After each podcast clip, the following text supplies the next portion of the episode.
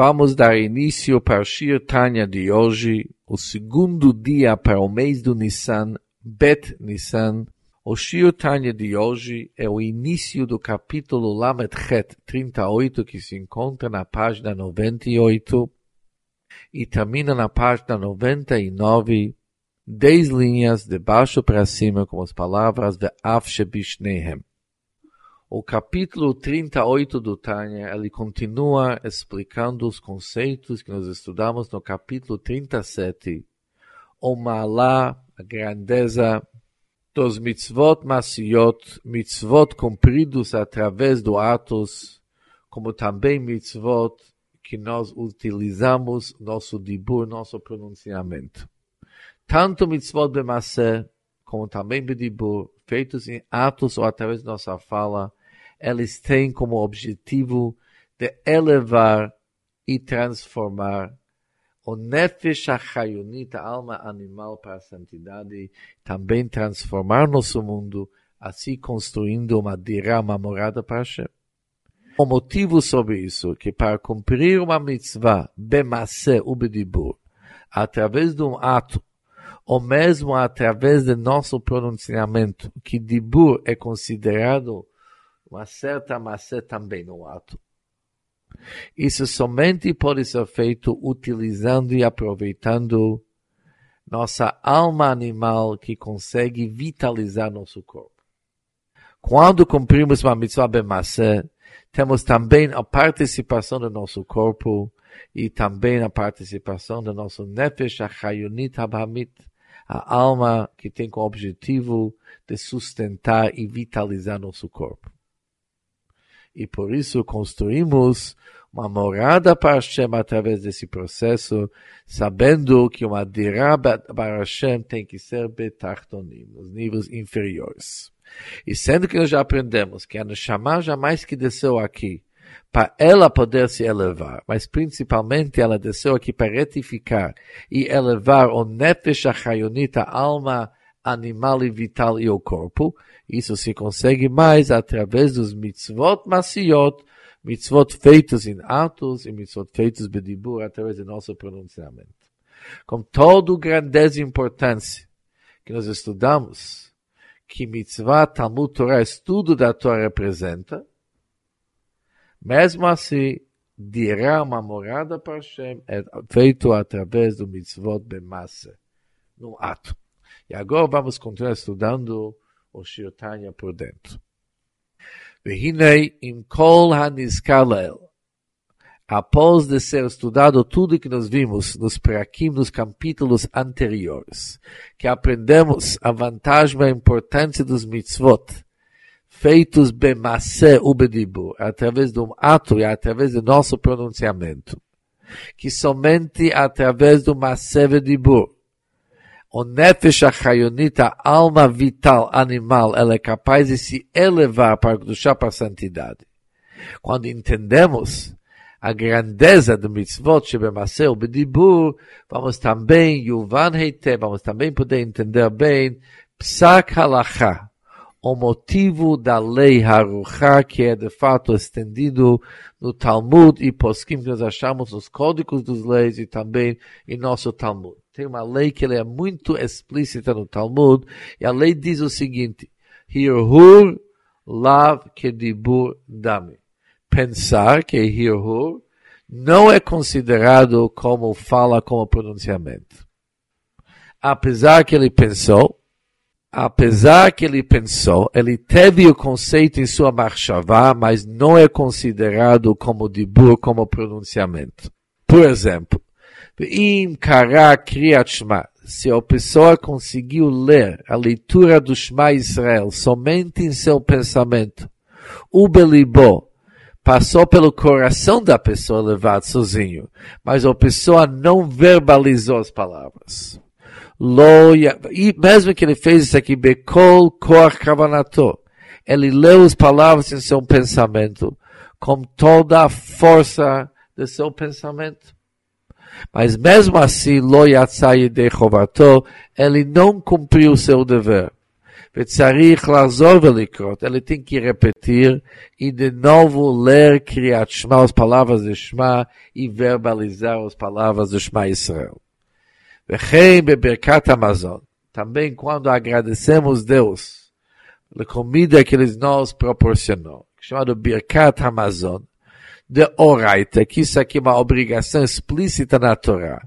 Apesar que no Birkat Amazon não está escrito Vedibartabam, não está escrito claramente que se deve verbalizar as palavras.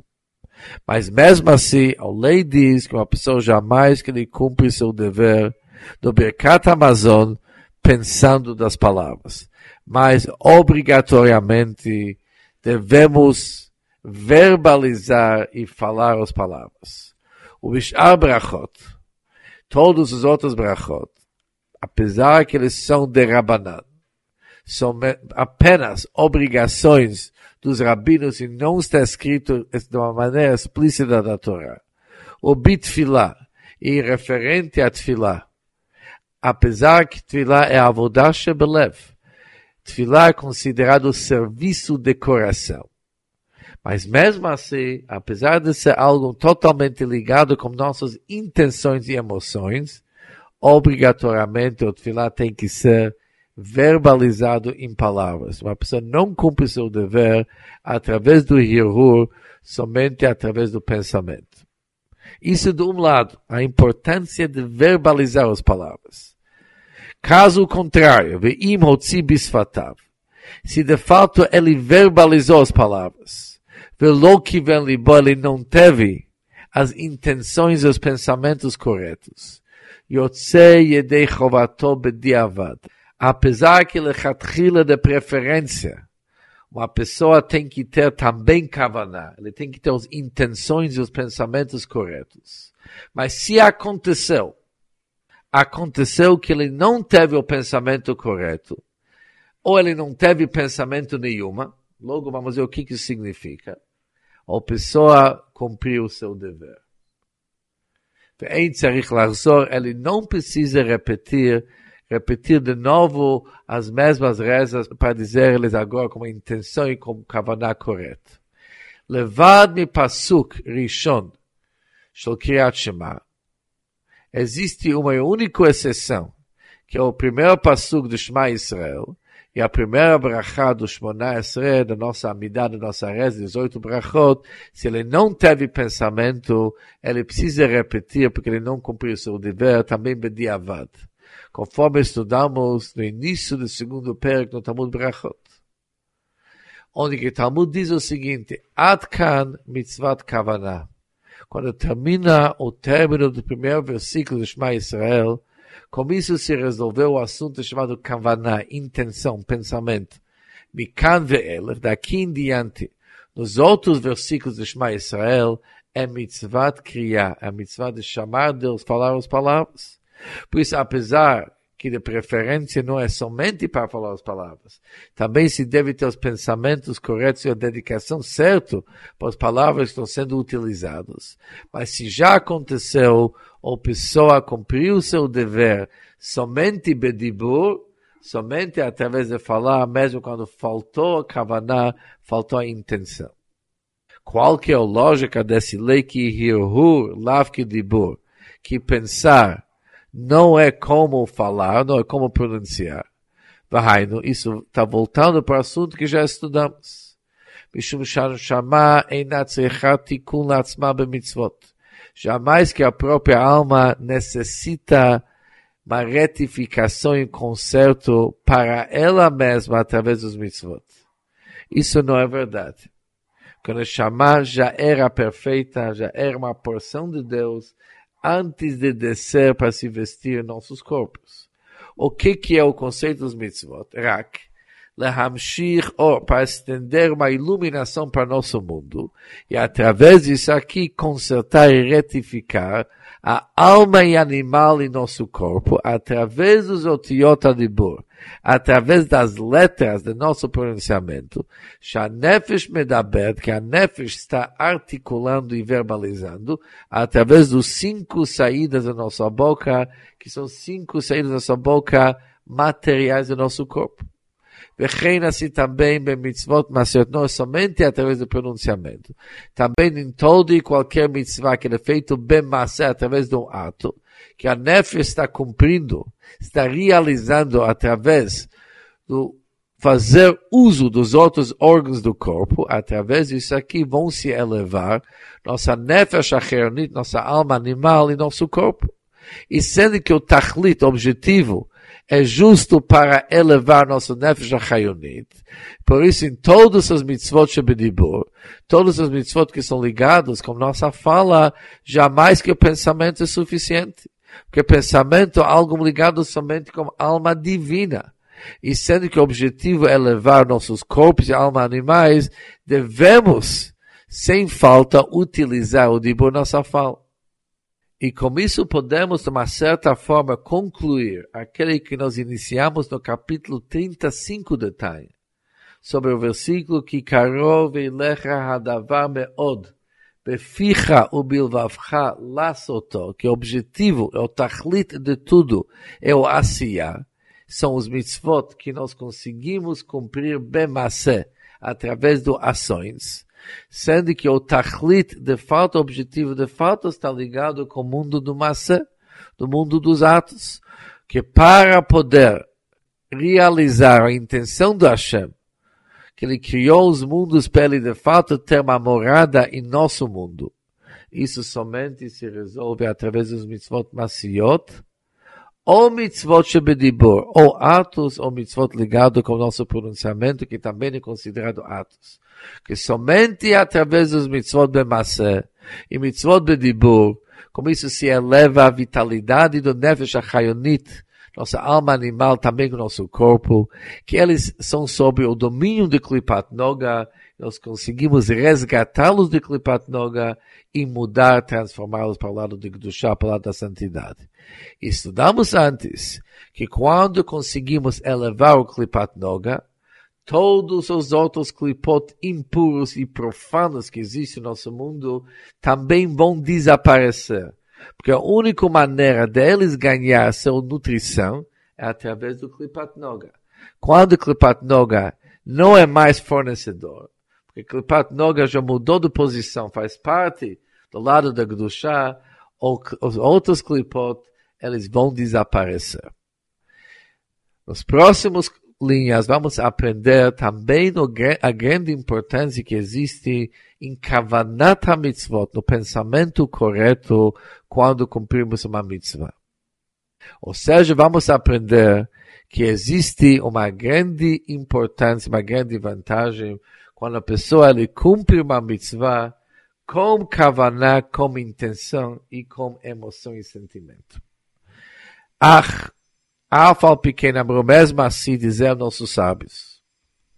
Tfilá, Oshar, Bracha, nossas rezas, nossas preces, ou qualquer outra bracha, qualquer outra bênção que nós fizemos para, fazemos para Hashem, belo kavaná, quando estão feitos sem pensamento correto, eles são que guf chamar, são que nem um corpo sem alma.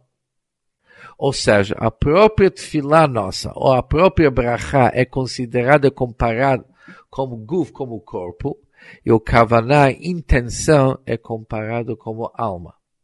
Perush. Isso para dizer que como shekol habruim shebolam da mesma maneira como todas as criaturas que se encontram em nosso mundo, sheyesh lahem guf uneshama, que eles têm tanto um corpo como também uma alma. Shehei Nefesh Kol Chai, que isso aqui se refere às almas de todos os seres vivos. Veruach Kol e o espírito de cada ser humano. Venishmat Kol Asheruach Chaim Bapab, também todo e qualquer ser vivo tem uma alma que foi assoprada em seus narinas. Mikol Balechem de todos os tipos de criaturas. Cada criatura no nosso mundo tem o guf, tem o corpo, tem uma alma, tem uma neshama. Vashem Echayet Kulam, Deus que dá vitalidade e sustenta, apoio todos eles. O Mehave Otam e sempre los cria Me'ain Leyesh, do nada, do absolutamente nada, Leyesh para ser algo. Deus que cria todos os criaturas do mundo de uma maneira chamada ex nihilo, sem matéria-prima, mei ainda nada para ser um yesh, para ser algo. Beor vechayut shemashpia mesmo através de luz e vitalidade que Deus fornece no guf e no chamar, no corpo e a alma de todas as criaturas. Chegam a guf achum, que também o guf, o corpo material, e também avanim, afar, também pedras e terra, que são domem mamash, que são minerais, inatos, que não se percebe nenhum movimento de vida. Eles são que nem uma pedra, onde que não se vê movimento, não se vê vitalidade. Mas mesmo numa pedra, yeshbo over hayut é bom saber que existe uma luz e uma vitalidade que vem do Deus. E essa vitalidade é responsável, para jamais voltar para ser inexistente e nulo como que ele era antes de ser criado. Ou seja, sabemos se não tivesse a vitalidade da Hashem sustentando e apoiando as criaturas que existem em nosso mundo e também nos outros mundos, o Nivra, criatura, ia desaparecer. Por isso devemos concluir que não somente nossas almas, como também nossos corpos, cada um possui uma força divina que se torna um orbe chayut, uma iluminação, uma vitalidade para aquela criatura específica. Alfa pequeno, mesmo assim, em arroz de jamais que dá para comparar entre o vechayut hameir beguf, entre a luz e a vitalidade do Deus, que ilumina o corpo, jamais que isso dá para ser comparado perante o or vechayut, a luz e a vitalidade que ilumina a alma. Que a alma é nefesh kolchai, ela de fato que sustenta todo e qualquer ser criado. Ou seja, conforme o que, que vamos estudar nas próximas linhas do Tânia, que a diferença entre alma e corpo apesar que tanto a alma como o corpo, eles dependem da vitalidade da Hashem, mas depende a quantidade e qualidade daquele sustento, como que ele se, de fato, veste na cada criatura de uma maneira singular e individual. Se aquele overchayut, se aquela iluminação da Hashem, ela vem de maneira oculta, de uma maneira contraída, de uma maneira condensada, ou isso vem de uma maneira chamada hit pashtut, se estendendo com amplitude. Ou seja, a diferença é na quantidade e qualidade daquela revelação. O que, que todas as criaturas têm em comum é que toda e qualquer criatura depende da vitalidade da Shem. E seguindo o raciocínio no próximo Shirtanya, vamos aprender como uma tefilá, como uma reza, sem kavaná, ela é um guf, é um corpo sem alma. Vamos aprender melhor o que é um corpo, o que é uma alma, e vamos também perceber que quando nossos tefilot, nossas rezas, são sem intenções e pensamentos corretos, o guf, nossa alma, fica, nosso guf, nosso corpo, fica sem alma, se esvazia da nossa alma e se torna, e se torna algo muito pobre. E sobre isso, nos próximos Shiorei Tanya. Hazako Baruch.